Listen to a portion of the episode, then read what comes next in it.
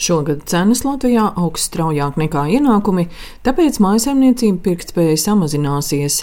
Bankas citadela ekonomists Mārtiņš Āboliņš vērtē, labā ziņa ir tā, ka Covid pandēmijas laikā daļai iedzīvotāji palielinājušies uzkrājumi, bet gaidāmas izmaiņas patēriņa struktūrā. Tas nozīmē, ka teiks, tur, kur aug cenas pamatu vajadzībām, komunāla rēķina, pārtika. Mēs tērēsim vairāk.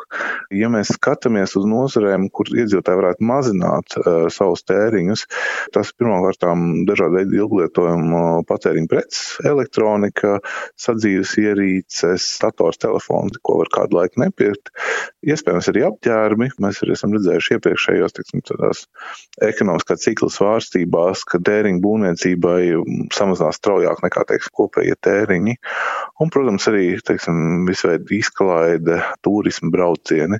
Viss, principā, no kā cilvēks var atteikties, visu, ko var šodien nenopirkt, atlikt uz kādu laiku, tas arī attiecas uz kaut kādām ekskluzīvākām, varbūt luksus precēm. Bet, protams, nu, tās nepērk visa sabiedrība un uh, iedzīvotāji lielākiem ienākumiem parasti teiksim, tās rezerves ir lielākas un tur varbūt nav uzreiz nepieciešamība pārskatīt citus tēriņus.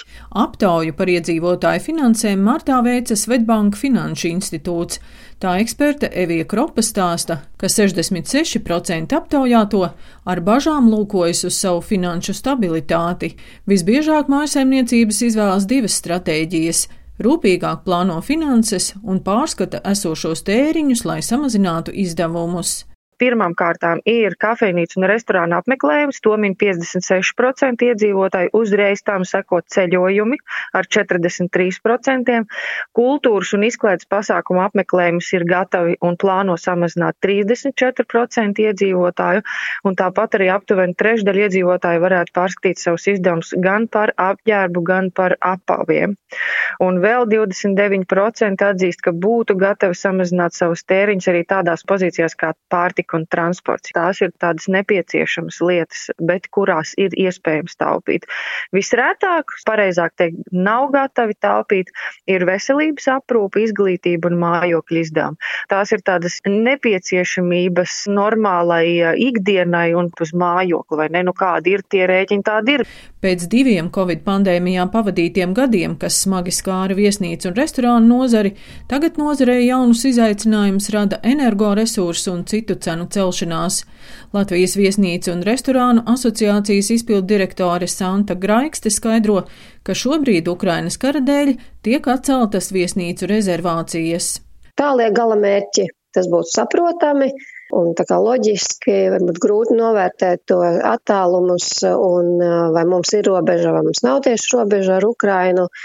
Mazliet tāds satraucoši arī tas, ka tomēr arī tuvējie galamērķi, kā Vācija, kā Skandināvijas valstis, ņemot vērā Krievijas tūmu, arī, diemžēl, atceļ rezervācijas un, un plānus braukt rezervācijas netiek atceltas uz gada otro pusi, tādā īstermiņā atceltas. Gan jūniju arī ieskaitot, un ir arī, arī kolēģi min arī par jūliju, bet ļoti ceram, ka mainoties situācijai, tā plūsma tomēr atgriezīsies un rezervācijas arī ienāks. Pats svarīgākais šajā brīdī ir, lai eh, Latvija tiktu pozicionēta kā droša valsts, kur nenotiek kara darbība, kur nav apdraudējums, ir viegli sasniedzama, viesmīlīgs personāls, absolūti drošs turistiem. Tad jau arī ceram, ka arī tā turista plūsma atjaunosies. Uzņēmēji vairāk strādā Eiropas uz, uz konferencēm un, un pasākumiem, tiek piestrādāts arī pie citiem segmentiem, kas varbūt uh, iepriekš nebija tik ļoti apgūti.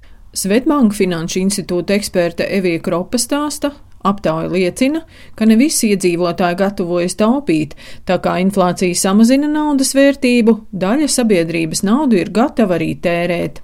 Gan drīz katrs ceturtais iedzīvotājs, tie ir 23%, savukārt atzīst, ka šobrīd drīzāk cenšas baudīt dzīvi, cik vien tas ir iespējams, sev neko neatsakot, jo kas to zina, ko nesīs vēl tālāka nākotne. Bet šāda te, tendence jāatzīst gan bija pamatā novērojama lielāku ienākumu segmentā, ja? jo lielāka ienākuma, jo līdz ar to arī tas vēriens uz dzīves baudīšanu tagad un tulīt ir krietni lielāks nekā zemāk ienākumu segmentā. Privātajam patēriņam ir liela nozīme arī ekonomikas izaugsmē. Pandēmijas laikā lielākie zaudētāji bija izmitināšanas un ēdināšanas nozares, māksla un izklaide. Daina Zalamane, Latvijas radio.